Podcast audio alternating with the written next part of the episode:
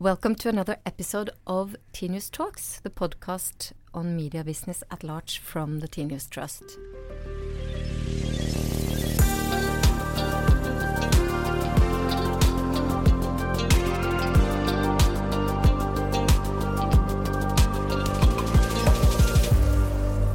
And this time we're going to talk about something that we in the Trust find extremely important and interesting these days, namely artificial intelligence and its relationship to ethics. And to elaborate on that one, we have invited an expert on this. So I'm very proud sitting here together with Anna Fellander. She is co founder of the Stockholm based AI Sustainability Center. And you have to talk a lot more about that later, but welcome. Thank you. And let's just jump into it because I saw recently that you claimed that we need to toss some gravel into the AI machinery. What did you mean by that? Humans should lead AI and not the other way around. But let's put a scenario where we don't uh, lead AI, when we don't create standards and principles and framework. We will have a situation with with discrimination. We will have a situation with a lot of privacy intrusion. We will have a situation with recommendations that is based on historical norms uh, and biases. In the center, we be able to grasp the areas of fairness versus bias, mm. governance in AI, and explainability and transparency. You can be transparent, but to whom and to what degree? And is that all always a good thing? What is the scary picture of the future society based on AI as you see it? Let me, uh, from my perspective, explain the problems with artificial intelligence and then talk about the downside risks. The reason that uh, artificial intelligence is exploring right now is that we can store and process uh, data much cheaper and we have a massive and exponential amount of input data so the algorithm can learn on, on a lot of data so before so so we're on the stage where mature technologies cross fertilize and create enormous value. So we have the sensors, Internet of Things, face voice with, with artificial intelligence as, as the underlying engine that is making it explode right now.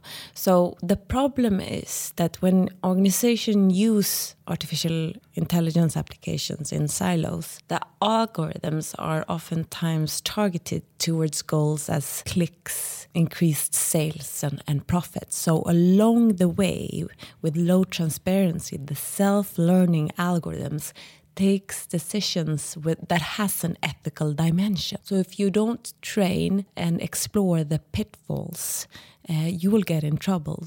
We've early on identified four pitfalls, unintended pitfalls, and that is the misuse of data, firstly. And even though you are GDPR compliant, artificial intelligence can create something that is privacy intrusive. So you give away your data and you receive a lot of convenience. You get recommendation engines, you get time efficiency. There's a lot of value that could be seen as a consumer surplus. And there's a new type of negative externality in society. We call it privacy pollution. So I give away so much. Let's say you're Amazon and you either capitalize on this information without my understanding, and it's also polluted into other companies capitalizing on it. So of course, if you're Amazon, you wanna or any company, you wanna increase revenue and reduce cost. If you put artificial intelligence into that, yes, the revenues due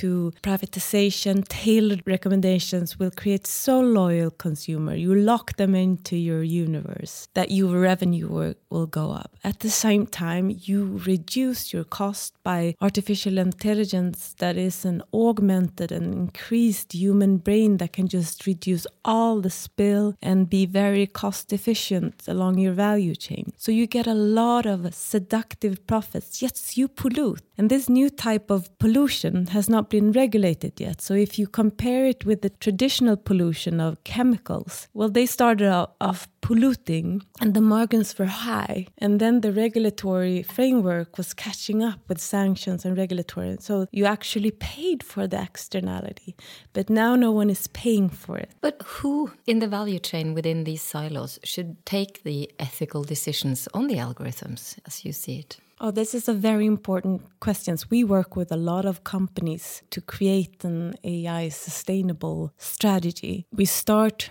working with the intended use of an AI application and then we risk scan. And in this process there's a lot of people that has to be involved from the organization a data analyst chief digital officer, chief marketing officer, strategies, human research, because uh, artificial intelligence in its best way should be used all over. The problem with artificial intelligence is that the ethical values easily gets lost in the AI world. Let's say we have consumer credit you, if you want to increase consumer credit, they will do so on the cost of result that could be families being into depth and, and tragedies. And it also goes for sugar consumption, it goes for gambling, and it will capitalize on addictions and, and human weaknesses. So this is why the ethics becomes more important to talk about and to discuss and also at the board level. Are there any examples of, uh, of companies and boards of directors these days that you see are quite conscious about these uh, questions concerning ethics uh,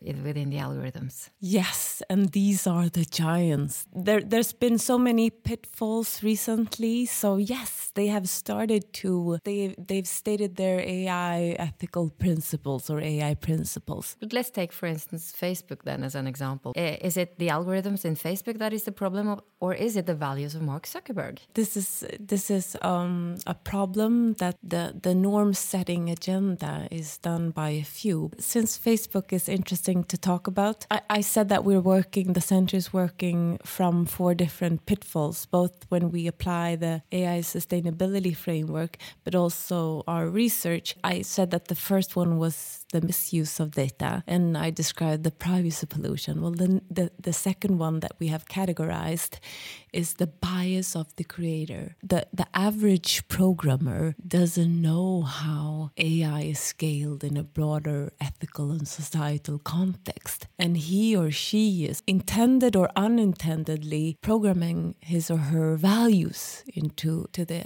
AI application and or he or she is doing what her his boss is telling them to.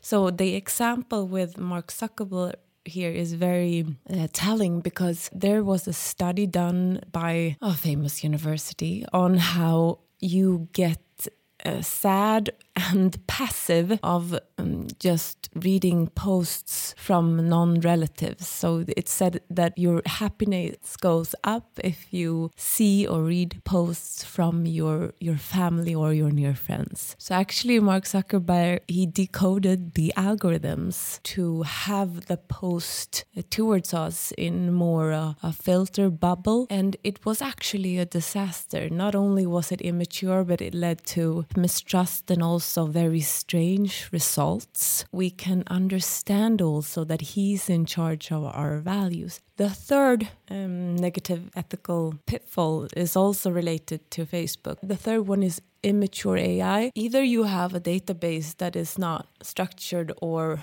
large enough, or you don't train the algorithms.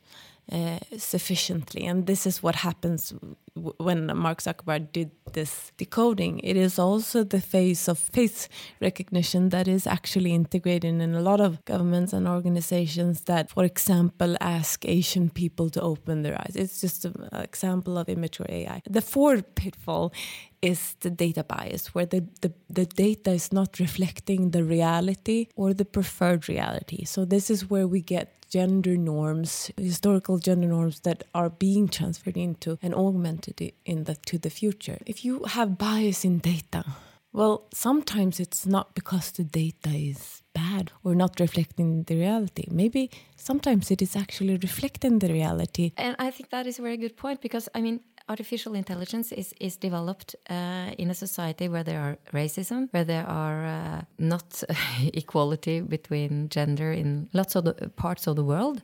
And we have, for instance, uh, money laundry scandals um, in, um, for instance, Danske Bank uh, close to us. So, so there are, I mean, there are still uh, ethical and criminal actions going on uh, without artificial intelligence. So, are you optimistic uh, when it comes to the probability that one will apply ethical dimensions in this uh, in the development of artificial intelligence you know i think i think so because it gets so urgent say that uh, for a Schibsted for example the balance between censorship of freedom of speech. I mean, you need to code it. Let's say that there are no questions about the company standing for for certain values. What kind of competence uh, do you need in an organization? I mean, you mentioned freedom of speech. There are mm. huge debates. I mean, yes. you, you, go to university for ages to, yes. to be, to be uh, wise on these yes. questions. So how do you implement that kind of competence into, yeah, deep down in the value chain? I love your questions because they're so to the point of it. So what's so important is both that we educate engineers in ethics and that we create a learning and testing environment with lawyers, with social scientists, and when, with economists.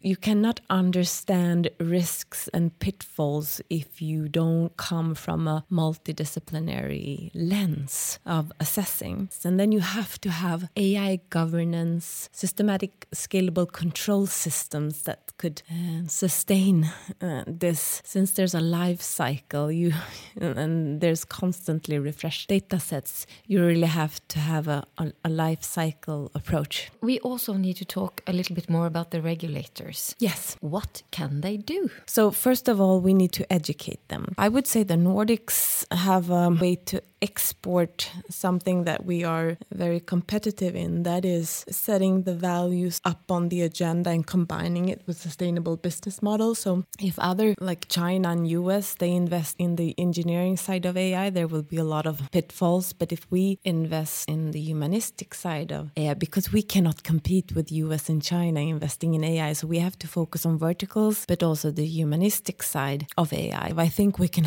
take a, a stance here. There is existing laws, it could be sometimes it's about that there's we need to update and adjust existing regulatory framework and laws. But it could also be that we have a regulatory framework, we just have to adapt it to new practices. And this is where these agencies need to be stimulated and educated to actually translate the laws into new this new environment. Do you have any examples of that? Sometimes if there's a new technology and you have an accident or someone gets discriminated, the, the regulatory pendulum just kills it and works too fast. It will hamper innovation and productivity. And sometimes it acts too slow, and then you have so much discrimination and accidents, so you actually have a huge mistrust in both the technology and the institutions. So you have to do a really iterative work here. And since there the, the, regulatory frameworks when it comes to AI, when it comes to accountability, uh, transparency, and fairness, different sectors have different degrees of, of stakes here. So